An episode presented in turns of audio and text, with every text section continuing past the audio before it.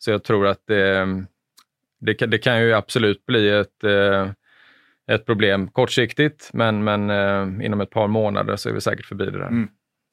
Det känns tryggt att höra. Ja. Som att du är allsvetande. ja, precis. Det är vd-titeln som kommer tillbaka. Eh. Välkomna till podden Oss byggproffs emellan och dagens avsnitt. Idag har vi Claes Säldeby på plats, VD för Ahlsell Sverige AB. Ansvarig för över 20 miljarder i omsättning, sjukt många kunder och över 3000 anställda. En tung roll som förpliktigar. Vi vet att Ahlsell arbetar med en mängd områden och att Claes har en bakgrund från leverantörsledet, både inom el och VVS. Men vad tycker han om byggbranschen? Vilka utmaningar ser han för våra byggkunder? Hur ser framtiden ut? Äntligen är han här! Claes Säldeby! Blev det för mycket? Då kör vi igång. Hjärtligt välkommen Claes. Hur eh, mår du idag? Eh, tack så mycket. Jag mår eh, alldeles utmärkt. Tillbringade helgen på västkusten med min eh, stora familj, så det var jättekul. Och jag hade ju hoppats att du skulle ha spelat golf, för det hade varit en liksom inledning till nästa fråga. Hur går golfen? För jag vet att du är golfintresserad. Ja, men exakt. Nej, men det blev ingen golf i helgen, utan det har bara varit eh, familjetid. Ja. Men frågan, hur går golfen? ja, men eh, det går bra. Jag är ju, eh, har ju spelat golf i, eh, i väldigt många år, eh, nästan 40 år snart. Mm. Och eh, sitter väl lite grann i ryggmärgen. Så att, ja, men det kommer jag fortsätta med jag tycker det är väldigt kul. Tycker mm. att det är en väldigt bra avkoppling och en ventil ifrån allting man håller på med i vardagen. Så att, det är riktigt kul. Sen tycker jag det är kul, det är inte så ofta jag får en gäst som jag vet gillar Formel 1. Såg mm. du Formel 1 i helgen? Eller? Absolut, ja, ja, men det gjorde jag ju igår kväll då, ja. lite grann i efterhand. Men äh, det är kul. Äh, och det är ju kul att se det på tv och det är ju faktiskt ännu roligare att se det live. Ja, verkligen. Men det är tajt nu mellan ja. dem. Så att, mm. VD, det är hyfsad fancy titel. Ja, det är ju det. Eh, men eh, jag går inte och betraktar mig själv som VD eh, hela dagarna, utan eh, men absolut, det, det, är en titel som förpliktigar. Ja, för jag hade så här, VD, fancy titel. Men vad gör du om dagarna? Ja, exakt. ja, nej, men jag brukar ju lite senast på överordnad nivå brukar man ju prata om att eh, skapa förutsättningar för att bolaget ska vara bra även om fem år. Mm. Skapa förutsättningar för att eh, medarbetarna ska tycka att det är ett bra ställe att vara på. För jag tror ju någonstans att det, är, att det är det som i slutändan genererar att eh, kunderna tycker om att, att handla med oss och gör att de kommer tillbaka. Så det blir ju någonstans lite vinnande spiral om man eh, håller de två KPI-erna levande. Mm. Och det känns som att det är någonting som från första dagen du kom in tyckte var viktigt. Liksom. Medarbetarna och medarbetarskapet. Ja, men det är ju våra medarbetare som gör det mm. och jag menar, det kan man säga, vdns roll i det perspektivet eh, blir ganska liten med tanke på att vi, vi träffar ju ja, men digitalt och, och fysiskt över 100 000 kunder varje dag. Eh, och det är ju det som genererar eh, framgången för oss. Och sen finns det ju väldigt många funktioner, inte bara de som träffar kunderna varje dag, utan som också ser till att leverera vårt centrallager, våra stödfunktioner, ja, till och med divisionen där du jobbar mycket, mm, gör ju nytta på dagarna. Ja. Men vad skulle du säga har varit tuffast under pandemin som VD? Men det har ju varit att eh, säkerställa att Eh, ja, men våra medarbetares och, kunders hälsa, att vi ändå kan fortsätta eh, samverka, göra affärer, men att eh, inte utsätta våra medarbetare för, eh, för större risker än eh, vad vi behöver. Mm. Och om du skulle se i din roll som VD, Claes, vad skulle du säga är den viktigaste delen som du säger, så här, men det här är viktigast för mig, det tänker jag på varje dag och göra bra? Ja, men det, är, det är att hålla momentumet, att, att fortsätta vara framåtlutade som organisation, att, att ha kunden i fokus, kul på jobbet. Och det, det, är klart att det blir många saker, det är inte bara en sak som är viktigast, men, men det är ju att ha farten framåt, mm. Eh, skulle jag nog vilja påstå. Mm. Eh, vi tanken med podden är att dels, nu var det lite intro, vem är du, Claes? Eh, och sen ska vi gå över lite till byggbranschen. Och vi hade Lennart Weiss här som gäst eh, förra gången. Han är kommersiell direktör på Veidekke, samhällsdebattör, väldigt intresserad av branschfrågor. Men han pratar om schyssta villkor i branschen och att eh, branschen till viss del är lite smutsig. Skulle du säga att byggbranschen ligger efter andra branscher? Ja, jag har ingen statistik på det. Eh, så att, eh, Nej, men subjektivt nu. Det är liksom... ja, man, kan ju, man, kan ju, man kan ju tro det. Eh, och, och det hänger väl egentligen mest ihop med att eh, det finns eh, kanske en kapacitetsbrist i den svenska byggbranschen som gör att det kommer in aktörer från utlandet. Och, och det här med, med kollektivavtal, eh, våra anställningsformer är ju ja, unikt är det inte för Sverige, men det är någonting som många länder inte har. Eh, så det som kanske är normalt i ett annat land kanske betraktas som smutsigt här. Och det är klart att det är viktigt att vi säkerställer att arbetskraft och aktörer som kommer in på den svenska marknaden följer de lagar och förordningar som finns här. Men, och jag vet ju att du har varit, kommer ju från till viss del en producerande industri. Alltså Mora FMM eh, producerar som jag säger kranar och en armatur. Eh, om du jämför den branschen med byggindustrin. Eh, och jag vill komma liksom leda in på, för jag läser, den här, läser en bok som heter Den ineffektiva byggbranschen. Är den efter om man tänker utifrån ett lean-perspektiv eller är det omöjligt att applicera det på, på byggbranschen? Fabrikstänket. Liksom. Jag menar, eh, all officiell statistik kring produktivitetsutveckling eh, när man jämför i svensk industri, svensk tillverkande industri och byggbranschen, så det är klart att, eh, att byggbranschens utveckling är ju mer flat än, än vad vi har lyckats åstadkomma mm. inom svensk industri.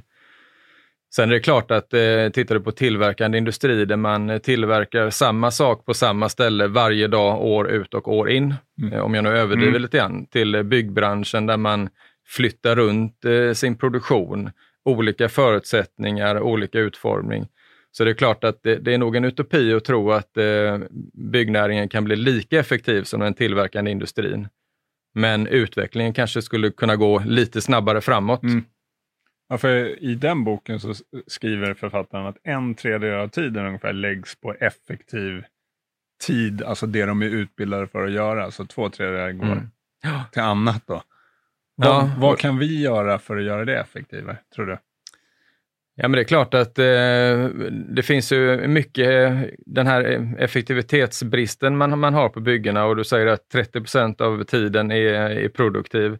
Och det handlar ju väldigt mycket om att en installatör eller en byggnadsarbetare ser till att hantera logistiken, eh, hämta material, leta efter material, man tittar på ritningar och, och det är klart att eh, där går ju mycket tid. Så att eh, man kunde få bättre precision i, i logistiken, att se till att man tillhandahåller det materialet som installatören ska ha där och då, eh, gör ju att eh, man kanske skulle kunna fördubbla den siffran i alla fall, att, att 60 procent blir produktiv tid. Mm. Jag hade möte med Skanska, då säger Skanska så här, ja men vi, ni skämmer ju bort oss, vi behöver inte bli effektivare, för ni kan ju leverera dagen efter. Ja, det är ju bara en del av, av helheten, eh, leveransen till arbetsplatsen. Men sen tror jag den interna logistik på arbetsplatsen kan också bli väldigt mycket bättre. Så att eh, om man nu bygger ett eh, femvåningshus, att, eh, att eh, snickaren eller montören behöver inte eh, få upp materialet, behöver inte tänka på att materialet kommer på plats, utan det bara dyker upp där när det är dags för att montera det. Mm. Ja, vi pratar om effektivitet i byggbranschen, men vi har ju många olika typer av kunder. Vi har ju allt från de stora kunderna, eh, våra Key Account-kunder, eh, NCC, Skanska, Pea, Veidekke och så vidare. Och så har vi ju då en väldigt stor andel små och medelstora entreprenörer. Vad tror du kommer vara liksom avgörande och superviktigt för alla dessa aktörer i framtiden? Vad kommer de behöva ha koll på? Ja, men för det första så tror jag att eh, det här med att eh, ja, men, eh, möta kunden, att eh, skapa ett värde. Det finns ju hantverkare idag, eh, har ju ibland ett dåligt rykte. För man, ja, men man mm. ringer hantverkaren, de kommer inte. De tar av sig skor. Ja, men exakt. Och, och, sånt här. Så jag tror att eh, de som blir allra bäst på att ha en hög servicegrad till sina kunder kommer ju bli vinnare framöver. Sen är, har vi hela den här hållbarhetsfrågan, att eh, jag tror att alla måste ha en kunskapsnivå inom hållbarhetsområdet som är tillräckligt god för att också kunna möta sina kunder. För det kan ju vara allt ifrån att man möter en privatperson till en, en krävande industrikund. Och eh, ska man vara relevant i det sammanhanget så måste man ha koll på, på den frågan kring hållbarhet. Vi hade en annan gäst här när vi pratade just hållbarhet och då ställde jag frågan så här, ja, men de stora kunderna hos oss, och, och inklusive oss, har ju koll på hållbarhetsfrågan. Det är viktigt, vi driver den framåt. Men när jag går i grannskapet och tittar hos mina grannar på vilka hantverkare de använder, det är liksom folk de här personerna står utan skydd och de sågar och det klättrar utan och, eh, heter, livlinor på ställningar etc. Hur viktigt är de här frågorna när det kommer till gemene man? Är det inte pengar som styr i slutändan? Jo, och eh, det kommer nog alltid vara framåt också. Jag brukar ta upp det här exemplet på att eh, nu bygger man fler solcellsanläggningar i Indien än kolkraftverk. Mm. Men det handlar ju bara om att det idag är billigare att göra en solkraftsanläggning än ett kolkraftverk. Så, så pengarna kommer sannolikt att vara den största drivkraften framåt. Men det gäller ju att eh, vi ser till att det blir lönsamt att vara hållbar. Eh, så, att, eh, så att ja, pengar är viktigt. Och då, apropå pengar, då, om vi pratar om närmsta tiden framöver. Hur kommer det se ut för branschen? Blir det full fart i höst eller Ska vi vara oroliga? Vad tror du? Ja, men, men, för det första kan man väl konstatera att eh, branschen höll ju i sig ganska väl eh, under pandemin. Och vi är ju inte igenom pandemin nu, eh, men det ser ju någorlunda ljust ut. Jag tror att det, det finns en väldigt stor underliggande efterfrågan eh, på inte minst bostäder, men även eh, industrisajter som, eh, som investerar ganska stort. Så jag tror ju att det, det kommer att finnas ett, eh, en stor efterfrågan även framåt. Eh, ehm, gemene man har lite bättre ställt. Man väljer att investera pengar i sina egna bostäder. Så att rot och renoveringsmarknaden kommer antagligen också att se ganska bra ut framöver. Så jag tror att om det händer någonting så är det inte efterfrågan i marknaden som kommer att vara problemet, utan det skulle i så fall vara eh, någon makro, eh, instabilitet eh, och så vidare som skulle driva det. Många av våra kunder frågar om tillgänglighet. Behöver de oroa sig för tillgänglighet? Över tid så har ju tillgänglighet eh, inte varit ett eh, stort bekymmer. Att vi just nu befinner oss i en period där vi har problem med en del kinesiska hamnar där containrarna står på fel plats i världen och vi har stopp i Suezkanalen. Det är ju saker som absolut oroar i närtid, men, men över tid så är ju försörjningskedjan eh, väldigt stabil egentligen och det finns ju mycket kapacitet att producera varor. Så jag tror att det, det, kan, det kan ju absolut bli ett, eh, ett problem kortsiktigt, men, men inom ett par månader så är vi säkert förbi det där. Mm. Det känns tryggt att höra. Ja. Som att du är allsvetande. ja, precis. Det är vd-titeln som kommer tillbaka. Eh, Lennarts fråga, så, och jag, jag, ställer den nu för den, jag, jag tror det kommer ta tid att besvara, för han, han ställde frågan så här, han visste inte att det var du som var nästa gäst. Hur kan just ditt företag göra skillnad för de stora utmaningar som branschen står inför? Och då pratade han då för de stora utmaningarna, han pratade om hållbarhet, arbetsvillkor etc. Mm. Vad kan vi göra, Ahlsell?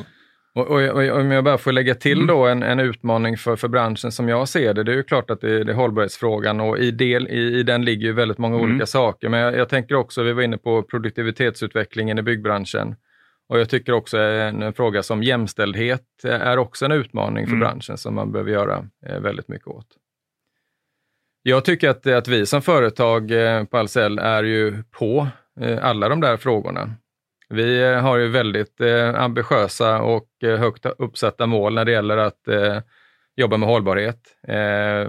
Och då menar jag klimatomställning, där vi nu på alla våra långhål, som man säger, dragningar till terminaler, kör med, med HVO-bränsle i, i fordonen.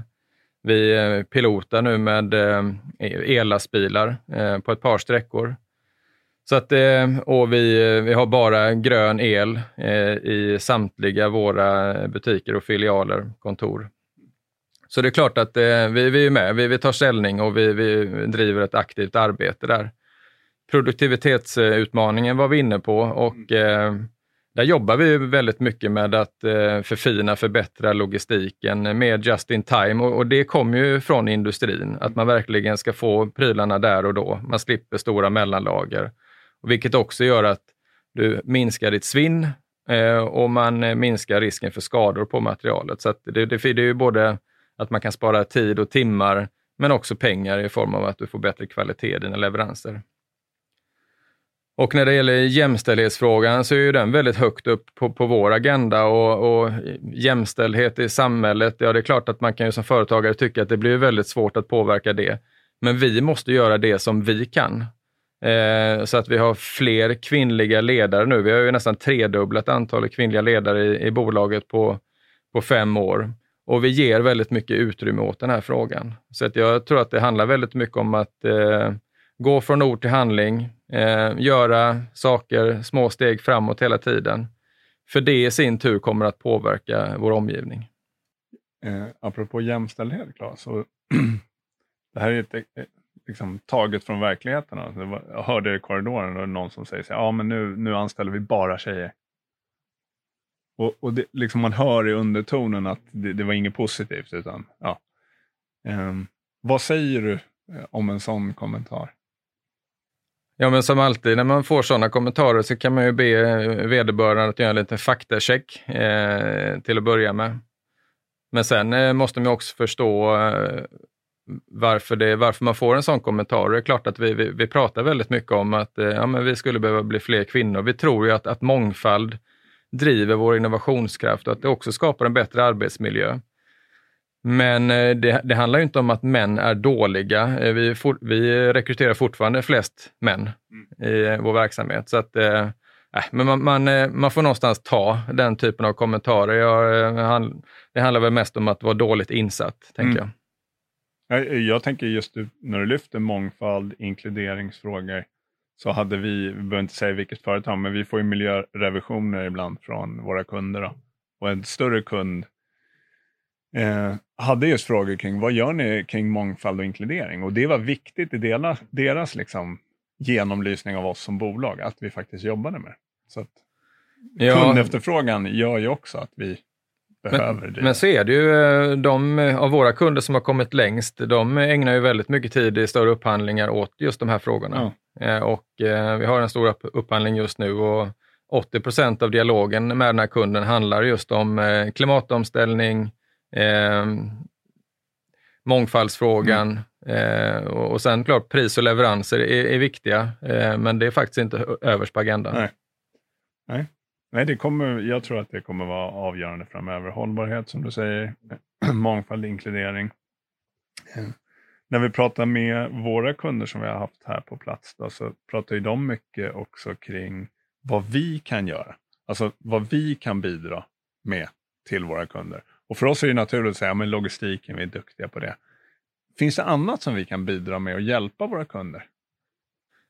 Ja, men för det första ska man väl förstå eh, vår affärsmodell och vårt erbjudande. Då. Vi, vi, vi pratar om att vi ska göra det enklare att vara proffs. Eh, det vi egentligen gör är att vi, eh, vi har ju en så kallad one-stop shop. Vi har ju ett, ett så brett sortiment så vi tänker att våra kunder ska helst inte behöva gå någon annanstans. Man behöver bara vara hos oss. Eh, och, och, det sparar ju tid, eh, ökar våra kunders konkurrenskraft och, och man eh, kan lägga tiden på det som faktiskt skapar värde eh, för deras kunder i sin tur. Så att eh, hela vårt koncept bygger på att eh, man har ett brett sortiment så vi täcker ett stor del av behovet. Vi finns alltid nära våra kunder. Vi har 140 butiker. E-handel ökar och vi har ju faktiskt 2000 personer i vår organisation som möter kunden. Och det handlar inte bara om, eh, om att vara där och ha ett trevligt och bra bemötande utan faktiskt också en kunskapsöverföring. Vi håller oss uppdaterade, vi, vi, vi kan, vi vet hur våra produkter fungerar och eh, det är väl så vi skapar värde för vår omgivning. En fråga då, att skapa värde. Du, vi är 130-ish butiker, eller hur? Mm. Någonstans där. Eh, ibland när vi träffar de större kunderna så säger de så här, nej men ni måste lägga ner frukostarna. Mm. För det, det funkar inte. Våra hantverkare går och äter där och det, det är inget bra. Mm. Eh, vad säger du om den frågan?